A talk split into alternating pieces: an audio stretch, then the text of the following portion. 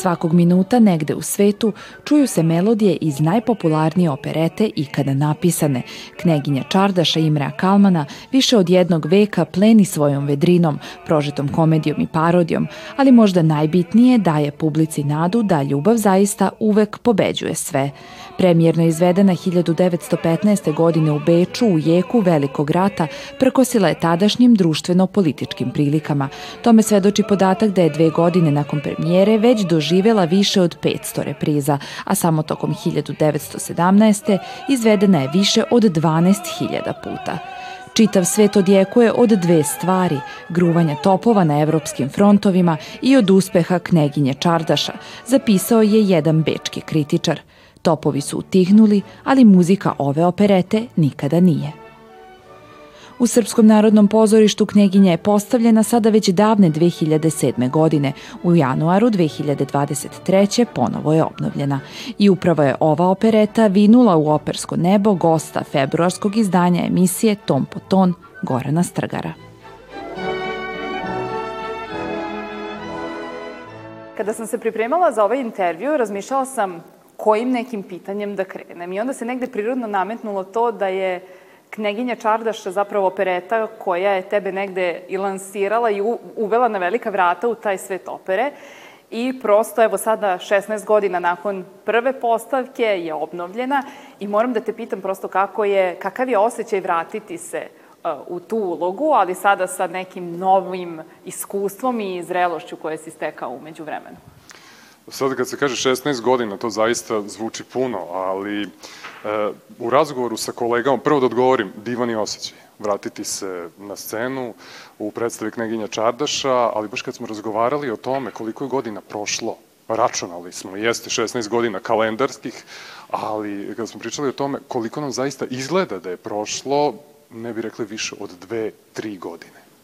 Takav ti osjećaj. Da, da, da, da, da, apsolutno. Kao da smo juče bili, ista scenografija, ista muzika, skoro isti ljudi, tako da, eto, mislim, u svoje smo kući. Znate kako, e, svaka pozornica je ista kada se ugase svetlo u publici, kada reflektori padnu na vas, kada počnete da igrate, kada se, jednostavno, kao da smo se vratili kroz vreme i kao da igramo, ne znam, peti, šesti put, da ne kažem prvi put, ipak imamo nekog iskustva. A da li se Boni sada promenio? prosto zbog tog svog iskustva, da li ga negde na neki drugačiji način tumačiš, da li ga drugačije posmatraš. I ono što mi je interesantno jeste da si ti kasnije imao priliku da igraš Jedvina i da li je to negde Tako olakšavajuća je. ili otežavajuća okolnost kada imaš mogućnost da tumačiš dve uloge iz iste predstave? E, kako kažu naši e, veliki operski umetnici, u principu bolje je što više poznavati jedno delo. Tako reći, ako što više uloga znate, to ste više zapravo u materiji. E sad, zapravo, kada je bilo potrebno tumačiti Edvina, e to je bio problem, pošto su mi se vraćale replike iz Bonija. I onda sam prosto imao dva teksta u sebi, rekao koji sam sad, o čemu se radi, da, iz koje pozicije da tumačim, međutim, naravno, kao profesionalac, čovek se e, na neki način e, koncentriše da uradi to najbolje moguće. Ali sada, ne, apsolutno mi nije bilo teško, ali to neko novo iskustvo koje sam stekao umeđu vremenu i sve te operske uloge i operetske uloge koje sam otpevao su mi pomogle da pronađem neke nove detalje i da na drugi način, ne na drugi način, nego da prosto izradim još više taj lik. Tako da to usavršavanje nikad ne prestaje. Nikad niste završili ulogu.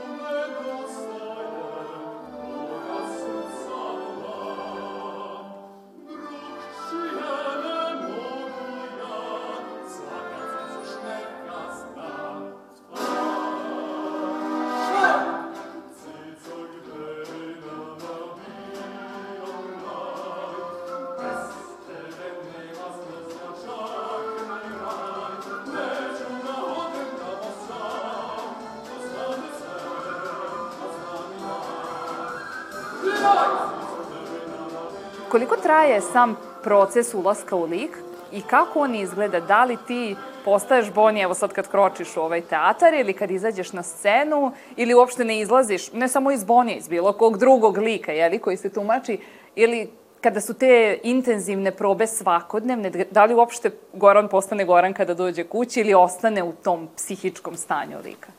A to je interesantno i dobro pitanje. U principu ne je bilo praktično uopšte da ostanemo Boni ili neki drugi lik e, kog smo tumačili. E, zapravo sa prvim taktovima muzike i moment kad smo kostimirani, kada izađemo na scenu. E tada Goran postaje Boni, kada se predstava završi sa spuštanjem zavese, vraćam se u, u lik.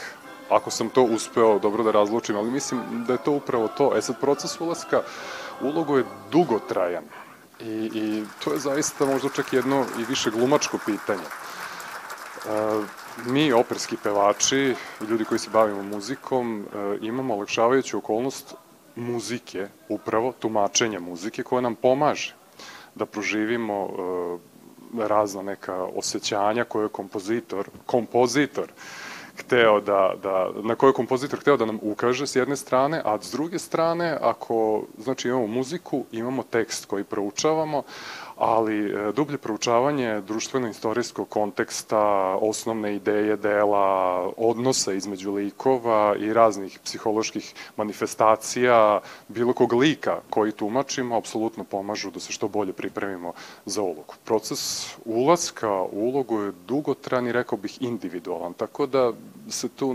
ne bi mogao odrediti e, neki prostor, odnosno neko vreme ulaska u ulogu. Koliko vi kao izvođači imate mogućnost da negde prilagodite tekst sebi i da li uopšte imate takvu mogućnost? Kakva su tvoje iskustva? Ne smemo da menjamo suštinu teksta, To je pod jedan, a pod dva, prosto neke stvari moramo da prilagodimo sebi, jer ono sa razgovoru sa profesorima, kada sam radio tu ulogu koja ima jako mnogo teksta, jako mnogo govornog teksta, e, rekli su prosto moraš da izgovoriš na onaj način na koji prirodno izlazi iz tebe.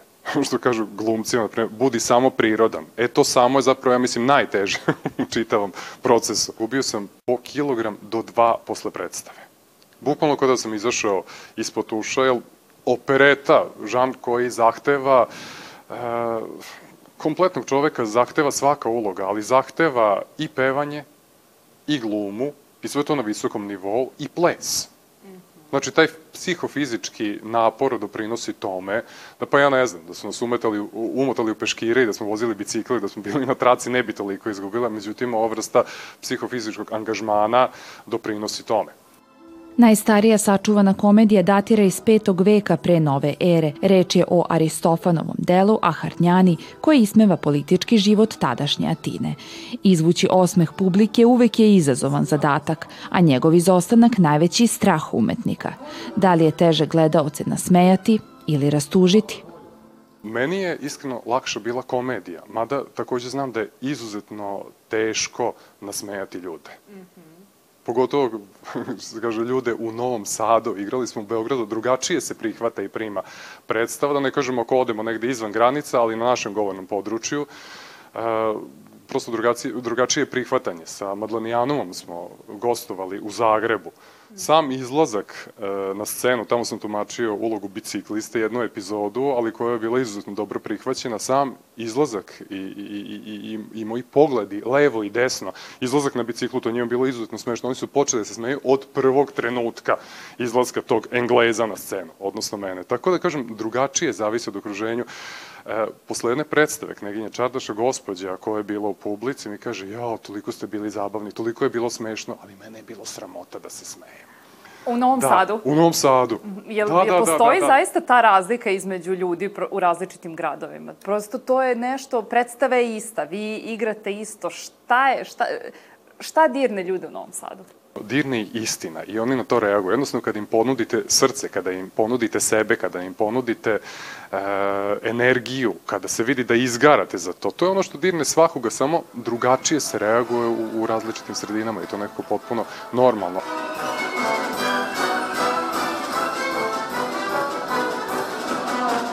Interesantno je e, da najiskrenije, najslobodnije reaguju deca. Ona su potpuno nesputana nekim okvirima i oni, ona isto tako reaguju iskreno. Tako da je divno kada ja kažu samo ono dovedite decu na predstave, oni će reagovati ili na ovaj ili na onaj način, ali to je vrlo interesantno za umetnika koji tada stvara, pošto on u tom momentu, e, stvaralački proces e, u toku izrade uloge nije završen, on je samo delimično završen. U toku e, predstave, u ta dva, dva i po sata, vi dalje stvarate i dobijate ohrabrenja ili prosto neku drugu vrstu reakcija koje vas postiču na ili razmišljanje ili vas, kažem, ohrabruju da i dalje stvarate i da ste na dobrom putu. Dakle, deca su negde najbolji i najiskreniji da. kritičari. E sad, kad smo kod te kritike, Kneginja Čardaša je opereta koja je jedna od najizvođenijih, ako ne i najizvođenija opereta na svetu. E, jesi li ti imao taj problem, da li si osjećao tu vrstu nekog pritiska, hoće li tvoja interpretacija zadovoljiti ono što očekuju ljudi koji su je već slušali u nekim drugim izdanjima ili se prosto nisi fokusirao na to? U početku jesam, e, nehotično, zato što sam dobijao informacije kada su videli moje ime na podeli, mnogi su rekli pa ti nisi Boni, pa ti nisi taj lik, pa ti, ti prosto ne znamo kako će, ali dobro, ajde sad, pokušaj. I kada čovek, e, kome je to prva veća uloga, jedna od glavnih uloga, e, kada čovek prvi put pristupi nečemu iz te pozicije nekog u koga se ne veruje, a nama je podsrek izuzetno bitan, E, naravno, mora imati poverenja u sebe ja sam nastavio to da radim bez obzira na sve to, ali kažem, taj neki početak nije bio previše ohrabrujući, znajući da je to najpopularnija opereta. Velika odgovornost, pogotovo što je taj lik e, Boni pokretač radnji u predstavi, odnosno motor predstave. Izuzetno odgovornost i uloga koja se vrlo često poveravala i glumcima, profesionalnim glumcima. Povratak posle toliko godina, e, ni tada nije bilo neke zebnje i sumnje na koji način će se to izvesti i da li će biti dobro prihvaćeno, jer ta muzika i tekst sugerišu e, zapravo su osuđeni, rekao bih smelo, na uspeh.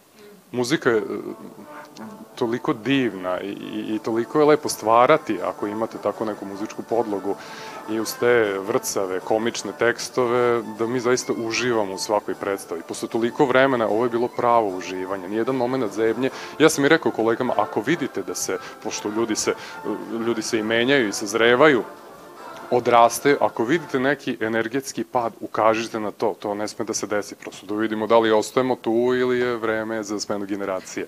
Tako da smo zapravo jedva čekali, ne samo ja, nego čitav ansambl da se vratimo, mi koji smo igrali e, od početka Kneginju Čardaša, a ima nas da kažem, popriličan broj, neki su promenili uloge, neki smo ostali u istim ulogama ili promenili, promenili uloge na nekim drugim, u nekim drugim pozorištima, jedno smo čekali da se vratimo na scenu i da budemo tu ponovo zbog publike. Ne da nam se da se rastanemo. Pa to je prava ljubav. Hvala, devojke, ali moramo da se rastanemo. Da se rastanemo za uvek. Žanr operete, pored vokalne tehnike, zahteva i izrazito glumačko umeće, budući da su prisutni i govorni delovi, što pred pevače stavlja izuzetno težak zadatak. Izraziti emociju glasom na dva različita načina. Nama pevačima bi nekako prirodnije bilo da se izrazimo u pevanim delovima. A s druge strane, ako to e, posmatramo, tu ulogu kao jedinstvo, operetska uloga, ili recimo neke e, komične operske uloge, imaju taj govorni tekst, imaju pevani tekst. Vi morate jednako dobro da se izrazite i u jednom segmentu i u drugom segmentu. Kao gostujući solista opere Srpskog narodnog pozorišta tumačio je uloge u brojnim operama, među kojima su Don Giovanni, Lucio od Lamermura, Norma i Katarina Izmajlova. U teatru Matlenijanum izazvao je ovacije publike u predstavama Anželik, Pajaci, Bečka krv i Rita, a igrao je i u Narodnom pozorištu u Sarajevu, i to Edvina u opereti Kneginje Čardaša. Dobitnik je godišnje nagrade Srpskog narodnog pozorišta u Novom Sadu u sezoni 2007-2008 za pevačko i glumačko dostignuće. Ti si svoju, svoje glumačko uh, znanje imao priliku da usavršavaš i sa saradnjom sa vrlo eminentnim ljudima iz sveta pozorišta, rediteljima, uh, glumcima. Jedan od njih je i Slobodan Unkovski, sa kojim si radio na postavci Mandragole u Madlanijanumu. Pa kako je protekla ta saradnja i uh, šta je sve ono što si tokom nje naučio? To je bila moja prva velika uloga van ove kuće, Van Srpskog narodnog pozorišta i zaista moram kažem da je ovaj posao e, jedna velika avantura. Saradnja sa svim tim velikim e, imenima vas zapravo postiče na još stvaranja, na kreativnije stvaranje i s druge strane jako mnogo toga naučite, pogotovo kada radite sa dramskim rediteljem. Zna tačno kako da vas usmeri, kako, da kako da vas kako ohrabri ili, ili kako da vrlo profesionalno, drugačije u odnosu na, na operske reditelje, ali sama činjenica da, da je čovjek režirao jednu bure baruta u, u Jugoslovenskom dramskom pozorištu i da je radio sa svim tim velikim glumačkim imenima je za mene bila fenomenalna. Pa zapravo, kažem, usmeravanje u vidu ohrabrenja, u vidu rešavanja nekih nedoumica, u vidu pomoći i postice da mi budemo bolji. I kakav je bio finalni rezultat i komentar na kraju? Komentar je bio odličan. Sa tom predstavom smo jako puno i gostovali. Gostovali smo i u Narodnom kazališću u Mariboru, u San Petersburgu. Predstava je dugo igrana u Madlenijanumu, tako da ja mislim i reakcije publike su bile odlične, tako da mislim generalno da ta predstava bila jedan veliki uspeh. A scenu si delio i sa Ivanom Bekjarevima. Ja, jesam. da, u opereti Bečka krv koju je režirao Voja Soldatović. Da, i to je bilo divno, divno iskustvo. Na svakom planu, se kaže, i na privatnom planu i, i na profesionalnom planu. Zaista, kada radite sa takvim veličinama, e, njihove replike i komunikacija na sceni s tim ljudima, pff, je nešto neverovatno, jedan veliki posticaj i natera vas prosto da, da, da, da razmišljate o tome na koji način da ostvarite što bolje svoj lik, na koji način da im se približite, na koji način da budete ravnopravni sa njima. U smislu, jel, u opereti su neke uloge isključivo namenjene glumcima, neke su pevačima ali prosto morate biti u funkciji predstave. A čiji savet ili čija kritika ti je bila negde najznačajnija na putu ka tom nekom napretku? najznačajnije, kažem, u toj avanturi, u susretu sa, sa mnogo ljudi, ne bih mogao tako da ih klasifikujem, ali najveće možda okrobrenje za komediju bilo od Seke Sablić. Kada je došla na jednu probu, ja sam stajao na, na vratima u Madlenijanumu, još uvek nekostimiran, kad sam je prepoznao, pustio sam, otvorio sam vrata, ona je ušla, mislila verovatno sam neki vratar ili tako nešto, međutim ja se umeđu vremenu kostimiram, dolazim na scenu, e, pevam svoj deo, izgovaram taj, taj, taj drugi deo, što sam imao svega nekih možda desetak rečenica, ne mnogo, ali sam shvatio tih desetak rečenica moram e, da napravim tako da ljudi meni poveruju. Pogotovo što sam igrao sa ovakvom fizionomijom Engleza. Znači, moraju da, zahtevno, da. moraju da ponište, da, da, utisak u mom izgledu i da poveruju da je zapravo Englez u pitanju. Ja sam otvorio vrata, e, Seka Zablić je ušla, sela u publiku i posle osledila kritika. Pošto smo to radili u koprodukciji sa jednim hrvatskim pozorištem, poređala nas je sve, postrojila nas je, išla je od jednog do drugog i rekla ti si promašio lik, ti treba još da radiš, ti si ovo, ti si ovo, da ne idemo dalje, došla je do mene i kaže, ti, ti si božanstven, kako to radiš? Kažem, pa vi meni laskate. Ma ne laskam, ja nikome nemam potrebe. Reci mi kako to radiš, u glumačkom smislu. Sad, pošto sam ja video da tu imam prostor da razgovaram sa njom, uslovno da kažem kako hoću, ja kažem, znate šta, kad ja izađem na scenu, a meni to dođe. Kaže, dođe ti. A rekao da, kako ti dođe? Ali divno, u stvari, jer ona je tražila neki odgovor glumački, na koji način sam došao do uloge. I sada bih ja skratio, naravno, shvatila o čemu se radi, na koji način sam je odgovorio. Ona kaže, srce moje, pa neka ti dođe, neka ti dođe hiljadu puta. Da li da pojačam negde, pitam. Kaže, pojačaj možda malo na kraju, ali nemoj da preteruješ. Neće delovati prirodno. Ovo je odlično. Nemoj skoro ništa da menjaš. Posle premijere dolazim, pitam, da li sam pojačao do... Divno je bilo srce, to je bilo to. Tako da, zaista, takav podsticaj, uf, je neverovatan. I veoma značajan za neko ko je negde na početku karijere. Koliko je tvoj odnos sa kolegama koji nastupaju sa tobom bitan uh, za dobar kvalitet na sceni? Da li je uopšte bitan ili vi prosto kada izađete na scenu potpuno promenite svoj uh, način razmišljanja, ako ste dobri privatno, a glumite neprijatelje, da li će se to videti, ako možda niste dobri, a treba da glumite nekog sa kim ste naročito bliski na sceni, da li se to vidi, da li ima veze ili ne? Čovek, umetnik, stvaralac, operski pevač bi pre svega trebalo da bude profesionalac. I u tom smislu nikakvi odnosi, ništa sa strane ne bi trebalo da utiče na našu igru, na naše pevanje. Naravno, što su bolji odnosi u ansamblu, to je lakše raditi predstavu, ali postoje i druge situacije gde prosto morate da dođete do rezultata. Tako da nije nužno da su dobri odnosi, poželjno je, ali prosto radimo zajedno, tu smo po nekom ugovoru ili u okviru kuće, u okviru te predstave i svi, svi zapravo izgaramo za to predstavu i to je jako bitno. Ta strast postoji kod svih nas, tako da ti neki odnosi su tek neka sekundarna ili tercijarna stvar ili negde dole na skali. Ali ono što je bitno jesu uh, odnosi likova koje tumačimo i oni moraju biti jasni, bez obzira na sve. Može se desiti i da ne razgovaramo uopšte, ali na sceni moramo da razgovaramo. Lažeš! Znam da!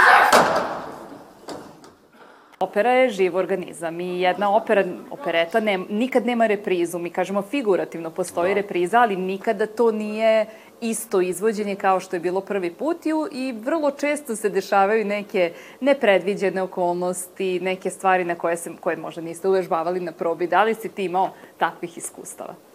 Ja, imao sam jedno prilično traumatično iskustvo i to su videli svi na sceni. Publika to nije osetila.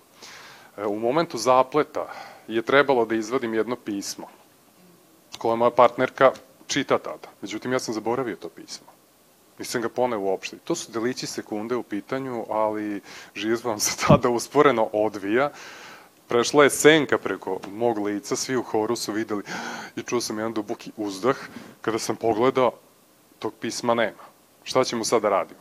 Međutim, čovek u tim momentima, ako ovako brzo ne razmišlja, onda makar u tim momentima, pogotovo na sceni kada je izložen svim tim pogledima, e, razmišlja i, i, i prosto našao sam jedno rešenje da su mi posle svi skoro rekli, kaže, sada je bilo najrealističniji, ovaj moment si sada odigrao najbolje, što ne znači da nije bio korektan i da nije bio dobar, ali su se fokusirali tu i znali su u kakvoj sam nevolji.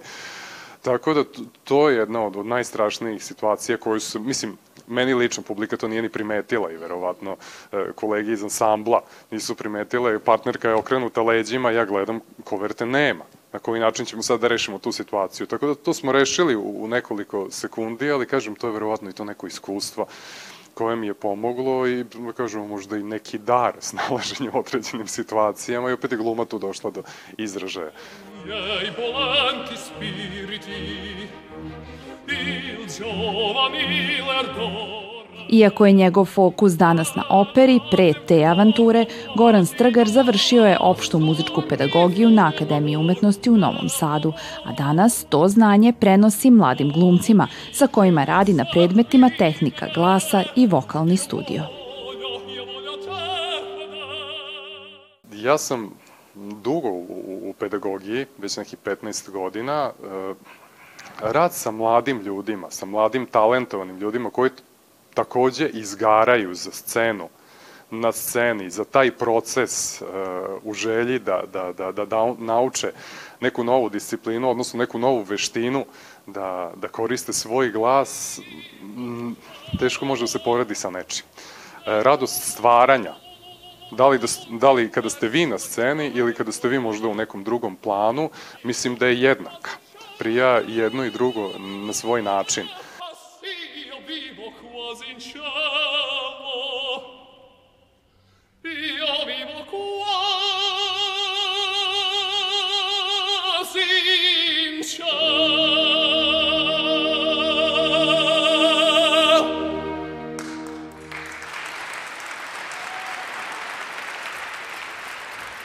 prva pomisla mi je bila, kao i, i mnogo puta u životu, pa koliko verovatno ima veštih ili boljih u svemu tome.